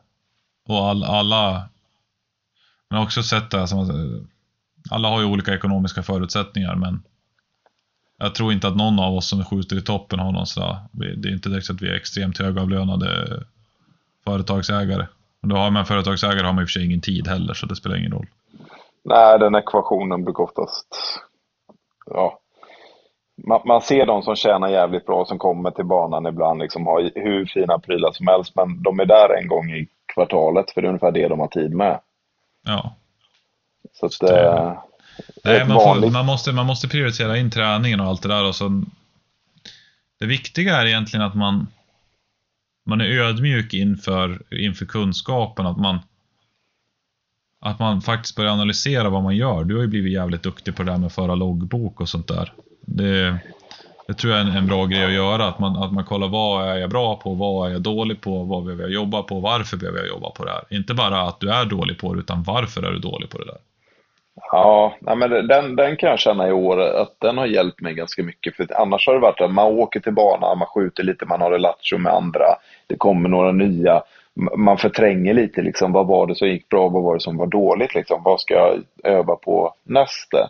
Mm. Um, att bara föra en sån simpel och det gör liksom efter tävling också, vad var det liksom, vad var det som gick bra? Och verkligen, fast där är ju verkligen någonting som jag försöker ändra, att sluta fokusera på det där dåliga eller det som gick lite sämre, utan verkligen fokusera på vad gjorde jag bra och fortsätta att göra det bra. Um, så man inte hamnar i liksom något negativt ja, tankemönster. Det finns det ju, finns det ju många böcker om. Uh, With winning in ja. mind och sen har du ju uh, mental marksmanship. Nu håller jag på att läsa winning av han som var Kobis coach. Ja. Uh, och det... det hjälper ju mentalt en del och som du säger, man ska inte fokusera på negativa saker på fel sätt utan du får ju du får identifiera det och istället för att se det som ett problem så får man ju jobba på det och, och ja, man måste ju ha rätt approach. Ja, men så är det. Jag, jag, har verkligen försökt. Jag, jag har tagit till den här mentala biten mycket seriösare i år än vad jag gjort tidigare. Jag har lyssnat eh, två eller tre gånger på den With Winning in Mind. Eh, och även nu för tävlingen, liksom att försöka blockera bort allting. För mig funkar det bäst liksom att inte tänka på resultat eller hur går det för andra eller vad händer liksom så här. Och det var ju en sån här typisk grej nu på den här matchen så var det liksom halvvägs så liksom ropade de upp eh, resultatet liksom och då då hade Robert en ledning med en poäng och sen så låg jag och Rasmus tvåa liksom på samma poäng. Och så var jag bara så här, nej, jag, jag vill inte höra mer liksom. Jag vill inte, för då börjar man tänka liksom så här, bommar jag en så kommer jag bara se det negativt och som att jag kommer en poäng bort från ledningen. Eh, jag vill inte komma in i de tankarna, jag vill bara skjuta liksom. Eh, så presterar jag bäst. Ja, nej men det, det är sådär. Eh... Jag kommer ihåg att jag började läsa när jag vann Haparanda. Det måste ha varit 20... Vad fan var det? 19 tror jag det var. Eh, så hade jag en sån där moment. Eh, när, det har jag sagt, det jag det har dragit den här historien så jävla många gånger att den börjar bli gammal. Men det finns ändå lärdom i den. Och jag tappade de 20 första skotten eller något sånt där på den tävlingen. Eh, för att jag hade setat och och eh, lekt med appen på kvällen och tyckte att Mount Everest, undrar vad man har för kul bana där. Ja, du hör ju, du skrattar ju, du förstår ju vart det tog vägen. Ja. ja. Det, jag kan säga att kul jag bara fan, sen man skruvade på morgonen där och tyckte att man bara fan 600 meter, ska jag bara skruva så här lite? Bara, ja, ja tydligen. Ja, det ska jag väl göra. Appen ljuger ju inte. Så var ju det att lufttrycket var ju liksom 6000 meter över havet eller någonting. Ja, det blir en viss skillnad såklart. Ja, lite grann. Så när man listade ut det, då blev det ju så här. Det här var innan jag hade läst böckerna, men då, då, då var mitt mål så okej. Okay, jag accepterade så bara, jag kommer inte vinna den här tävlingen. Men jag kan vara bäst på de stationer som jag nu kan skjuta. Mm. Och då var det så här, station för station. Jag ska vara bäst här. Jag ska sätta alla skott jag skjuter. Jag ska inte trycka av om jag inte vet att det tar. Så, så självklart så var det någon bom här och där. Jo, jo men det... Men jag tror liksom efter det så sköt jag den, en av mina stabilaste matcher fram tills det att jag sköt Östhammar-matchen där Jocke vann och jag kom trea och Emil tvåa. Och ja. det var liksom just det här att jag ska vara, varje skott, varje skott ska jag vara bäst med. Det var inte vad, hur ska jag ta nästa skott, utan det här skottet ska jag vara bäst med. Där är ändå så PRS lite unikt eftersom att du, du har en chans att börja om hela tiden på varje station. Men bara för att en station, precis som du säger, går dåligt så, så har du liksom ändå en möjlighet att nolla din mentala inställning till nästa station. Eh, och inte ha det. Det är inte så att du snubblade i början av en 400 meters lopp och är så här, fuck, jag ser dem framför mig, liksom, det här är kört, liksom. jag kommer aldrig kunna ta igen det här. Utan du har allt, du kan liksom börja om på varje station. Men ja, det krävs och... att du har den mentala styrkan. Ja, och den är, den är lätt att tappa. Jag har tappat den flera gånger. När det ja, det har vi nog alla tror jag. Och så kommer man där och så skjuter man bort sig och man är inte med, man är inte fokad. Det är någonting i privatlivet så här som man bara tar bort sig. Bara, det går fan åt helvete, det, här, det går inte liksom. Och då, är, då har man ju förlorat på en gång. Eh, men det är så här, sen är det vissa tävlingar, typ Östhammar där, eh, Jocke tappade väl typ så här fem skott eller något sånt där. Emil tappade sju och jag åtta eller vad det var. Ja. Och, och då är det ju svårt att komma ikapp. Men det är fortfarande inte omöjligt. Säg att du har skjutit bra som fan. Och så tappar du fyra skott på en station. Det är ju bara att skjuta bra som fan på resten. Bara och bara, men liksom, det ja, går ju. Ja. ja, men precis.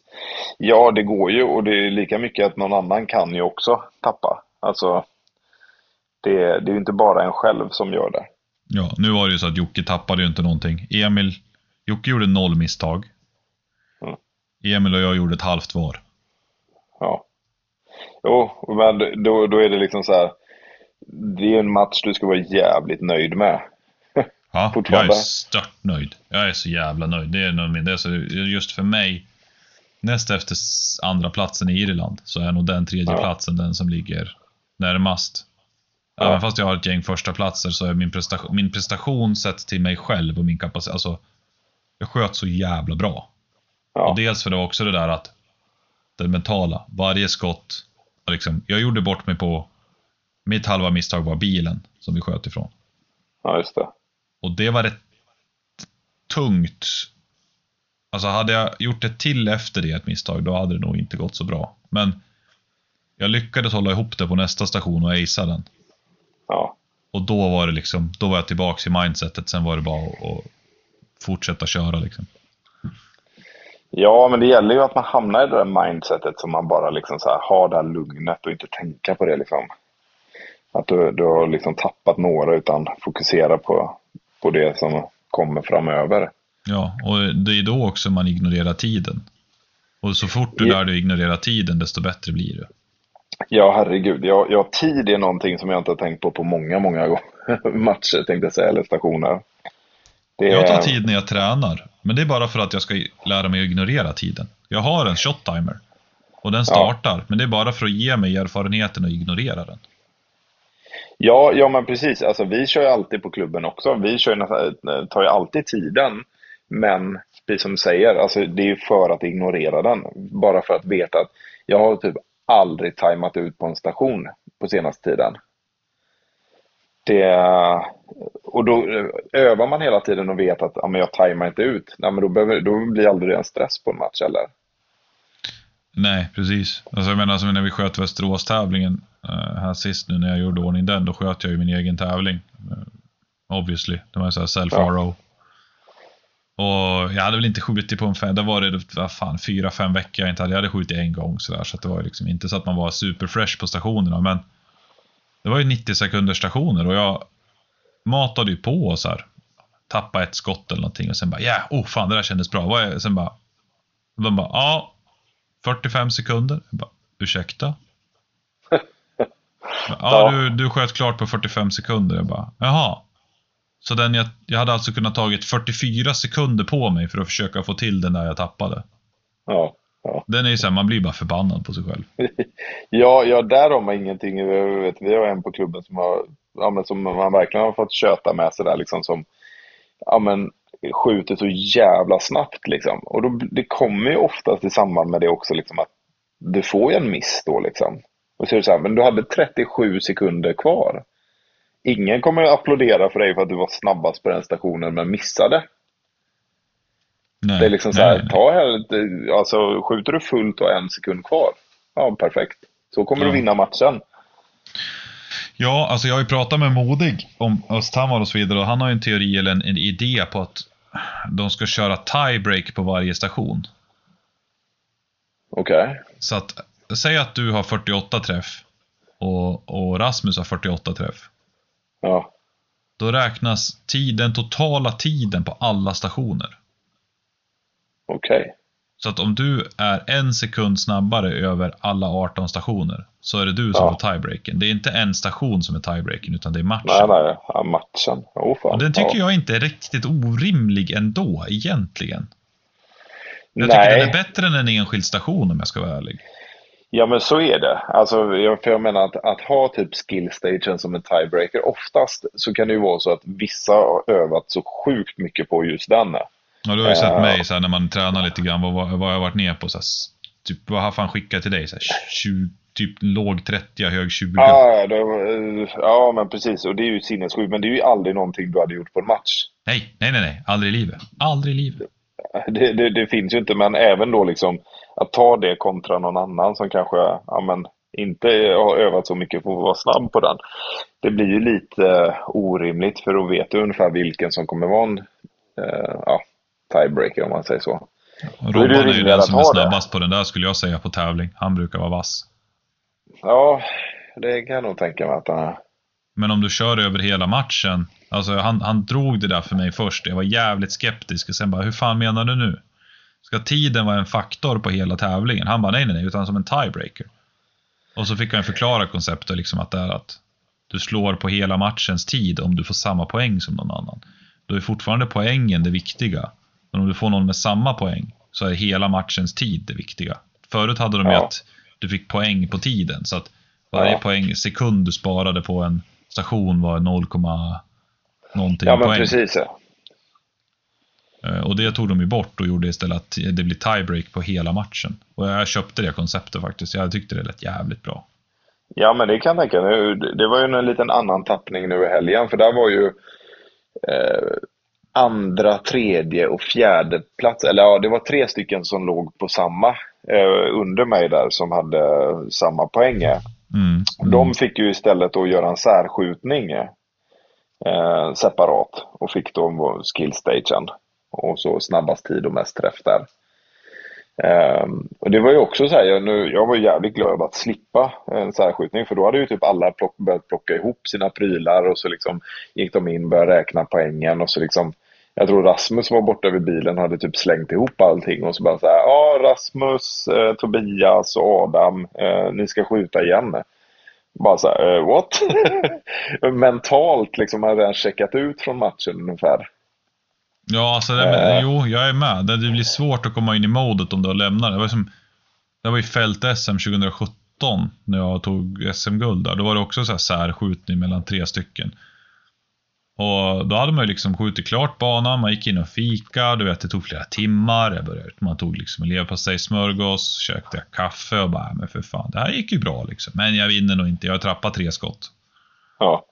Och tappa tre skott på normal fälttävling, då är man ju rätt jävla rökt. Men eftersom det blåste ju typ 16-18 i byarna så var det tydligen bra. Och det var jag och två till som hade det. Ja. Vilket man fick veta efter ett par timmar. Bara, nu ska vi ut och ha särskjutning sent på eftermiddagen. Bara, men jävlar. Ja. Ut och så skjuter ja. man första stationen. Bara, hopp, alla har lika många träff. Hopp, ja, då skjuter vi en till. Och så gick vi upp på en höjd och sköt ner och så tänkte jag, då, vet, så, då lägger jag mig. De bara, ja, så kritade de i min tavla först och jag bara, och så bara, ja, en bom. Och jag bara, men för fan Kerstin. Ja, nu är det kört. Eh, men så visade det sig att de andra hade två bom var. Ja, så det var ju, det var ju tur. Men just att man, man kom ju helt ur zon. Ja. Ja, ja, på så sätt så tycker jag ju Modis förslag är jävligt bra då. Att det går liksom parallellt. Jag tar ju mycket hellre någonting som beräknas över tid eh, under hela matchen än att ta en särskjutning. Ja, alltså det är som rappen har sagt i alla år. Ful får man vara men inte dum. Och Modig är ju typexempel på det. Ja, jo. Ja, så är det. Men det, det är ju sådana här grejer som är kul, att det utvecklas liksom hela tiden och man kommer med nya grejer. Och, ja, så inget är bättre än den andra. Liksom. Det här är ju bara pre egna preferenser. Ja, så de skulle väl försöka få SSI och, och tillåta den här uh, sak, alltså så att varje station är en tiebreaker om man vill. Ja, Ja, jag tänker, det, det, är imponerande för, eftersom att det blir mer admin, men det är klart, kan man få in det på, på SSI och bara skriva in tid och poäng på samma? Jo, det är det, det som är planen, tacksamt. att du matar in tid och poäng på samma ruta. Liksom, så att du vet när shot-timen har gått så ser du att ja, men det var 75 sekunder. Liksom. Ja, då skriver du in ja. 75 och sen räknar den det. Det var ju lite kod bakom det, men det skulle väl gå att lösa vad jag förstod det så. Ja, spännande. Ja, jag, jag, tror på det konceptet. Eh, jag kommer ju hem veckan innan från USA till den tävlingen. Så att Sen jobbar jag på mässa hela veckan så att jag lär typ komma hem på så här natten till måndagen och sen sätta mig och handladda som en jävla dåre på måndagen för att sen åka och jobba på mässa tisdag, onsdag, torsdag, fredag och sen lördag morgon sätta mig i bilen och åka till Östhammar. Du får jättegärna åka på lördag morgon för jag tror matchen är på fredag. Nej, det är pre-matchen på fredag vet du. Är det pre-matchen på fredag? Vad fan? Jaha. Ja. Och sen är det huvudmatchen på lördagen vad jag har förstått det så. Och sen eh, ja. dukar de av söndagen. Ja, ja, ja. Okej. Okay. Ja, för det är väl klämdag torsdagen? Är det det? Ja, men det är väl det här Kristi himmelfärds på ja, torsdagen. Det. det har du nog rätt i. Vilket gör det jävligt smutt. Om man har en ledig dag där och så sen kan man börja blåsa upp. Ja, jag kommer nog jag får se hur man gör om man bokar något boende och åker dit på fredag kväll. Det gjorde vi det gjorde vi sist. Då, det är fan skönt ändå att ta en extra dag innan. Det är precis som matchen till Frankrike nu där man tar en extra dag. Man, börjar ja. bli för, man är för gammal och sen vill man ju prestera. Ja, för fan alltså. Det, nu fan i lördag så jag gick upp, klockan ringde 03.30. Uh, och liksom duscha, göra sig i ordning, åka, synka upp med, med de andra liksom och börja bege sig ner. Alltså halv fyra liksom en lördag morgon när du har jobbat hela veckan. Fan, jag var inte... Jag är glad att jag inte körde ner, så kan jag säga. Ja, det, det förstår jag. Alltså det där måste ju vara det bästa tipset till någon som är up and coming och vill liksom prestera. Åk tidigare, än, alltså åk dagen innan, skaffa ett boende, alltså även om du inte ja. har... Alltså, även om man inte, ja men jag har inga pengar, jag kan inte bo på hotell eller någonting. Så jag bara, men lägg det inte i, i, bilen eller någonting, utan ta med ett tält eller åtminstone en jävla NATO-säng eller vad fan som helst, så du ska sova så bra som du möjligtvis har råd med. Ja, ja, ja, herregud. Alltså kan man så, så det är guld värt att kunna vakna upp någonstans i närheten och liksom verkligen ja. sova ut och få en, få en bra nattsömn. Fäll sätena på bilen, lägg in en madrass eller vad fan som helst. Liksom bara fråga någon som arrangerar matchen. Det finns en klubbstuga eller någon kanske gästrum eller vad fan som helst. Det brukar inte vara omöjligt. Ja, nej, för jag har sett många genom åren som har så här, dragit upp ett enmannatält och gått in och lagt sig på en gräsmatta man bara på ett liggunderlag. Så här, kommer dit klockan 12 på natten och ska kliva upp 6 till tävlingen. Så här, man bara, ja. Ja. Ja, nej, ja. det där är äh, säkert bra. Och ännu bättre är det ju de som sitter och dricker öl till klockan midnatt och sen så går och lägger sig. Ja, Även om de inte jo, dricker mycket så är det så här, ja, fy fan, alltså jag par, tre glas vin och sen är Sen sover jag så jävla dåligt. Ja, nej, alltså allt sånt där, det, det, har ju så jävla mycket. Alltså nu har man ju ändå så gjort tillräckligt med matcher för att börja analysera lite vad, vad som funkar och vad som inte funkar för en. Och det där är ju betydligt viktigare än vad man tror. Ja, uh, gud. Och sen menar, maten vara... under dagen. Ja, alltså mat och dryck skulle jag vilja säga. Uh, jag tycker många liksom glömmer det här vattnet vatten eller typ Resorb, elektrolyter och liknande under dagen. Eh, går du runt och spänner dig och koncentrerar hela tiden, alltså kroppen och hjärnan tar stryk av det. Eh, jag märker en jävla skillnad på bara sula i mig någon Resorb under dagen eller elektrolyter. Jag blir inte alls lika trött i huvudet efter en hel dag. Nej, det, det, det gör en stor skillnad. Alltså jag brukar ha som mål att jag ska, jag ska pissa varannan eller var tredje station. Ja, Ja, det, och jag det är inte det. Alltså, så har jag skjutit två stationer och jag inte är pissnödig, då har jag druckit för lite. Ja. Och det upptäcker man ju, alltså du upptäcker ju under en tävling, du är så jävla fokad. Du kan ju gå en hel dag utan att få i dig en droppe vatten och du, det enda du märker är på att du presterar som en påse skit. Ja, nej men precis. Du, du, det är ju det, du tänker inte på det och är du inte medveten med det och undrar varför. Eh, där ser man ju många, tycker jag, liksom, som ja, men, försöker överkompensera med det. Går runt och dricker typ Monster och sådana här grejer liksom mitt under tävlingen. När du, du, kanske dessutom nybörjare och dessutom har ett högt adrenalinpåslag och så, så baljar du i dig liksom en, en koffeindryck som gör att din puls ökar ännu mer. Mm, bara, bara 300 milligram koffein, liksom det är som när en annan tar en PVO och går och ska köra marklyft. Liksom. Kör man det till, till skyttetävling? Det så. Ja, i alla fall om det är ny. Det är det en grej kanske är ruttad liksom och du känner, eller alltså vet om. Ruttad alltså, koffeinmissbrukare? Ja, men det finns väl de som ändå så liksom eh, är ruttade med detta och inte får så mycket högre pulspåslag. Men när jag ser en nybörjare som man vet redan är så här, står i startgroparna till en station och så här, jag har 130 i, i puls nu innan stationen börjar. Och så innan dess har han stått och baljat i sig energidryck. Liksom så här, ja, det, det kanske inte var det bästa du har gjort idag. Nej, nej. Så att eh, nej, kost och, och, näring och sömn och allt där, det, det är jävligt mycket viktigare än vad man tror. Vad brukar du käka när du är ute? Jag brukar normalt köra jag kör ju mina keso, de här små förpackningarna. Det beror på typ hur lång... knäckebröd. Ja, alltså hur lång dag det är. Uh, alltså jag, jag är ju en sucker för försvarets jäkla rations, de nya. Alltså jag tycker de är guld värda. Det är mycket fett, det är mycket protein i dem liksom. Mexican tuna pasta.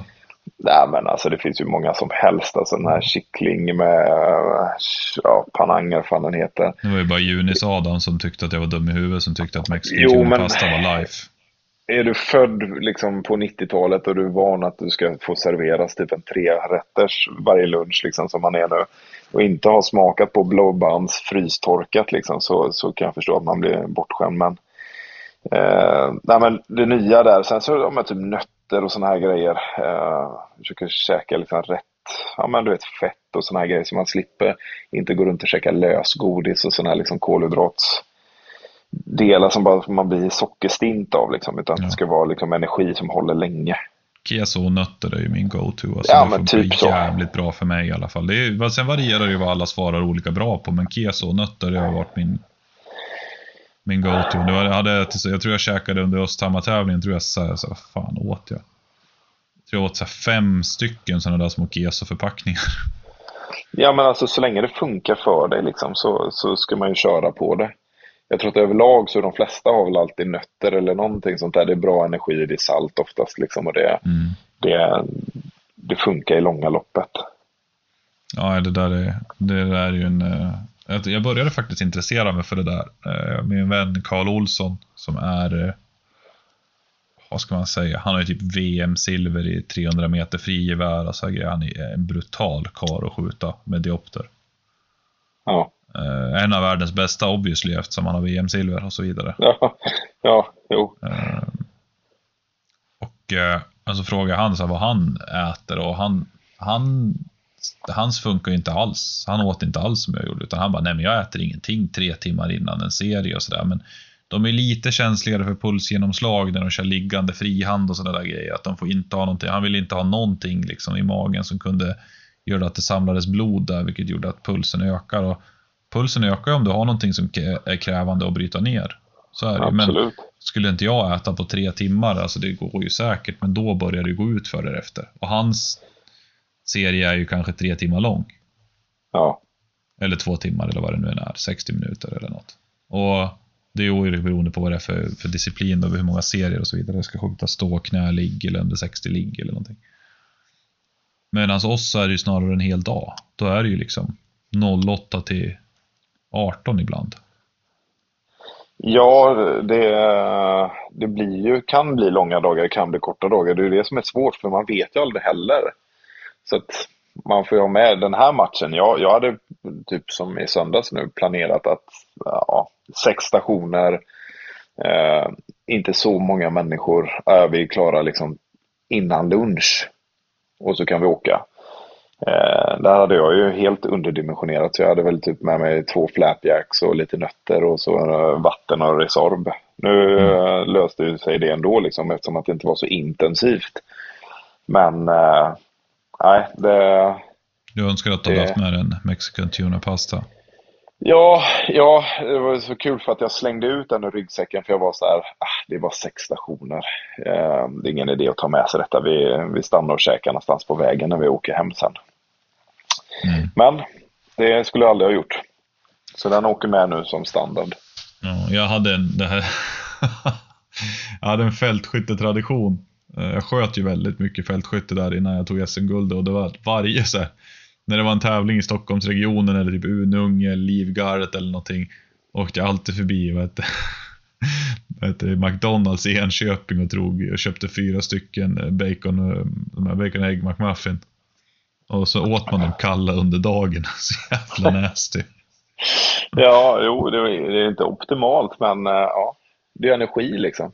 Ja, ja det, det, det gick ju. Det var lite roligt faktiskt.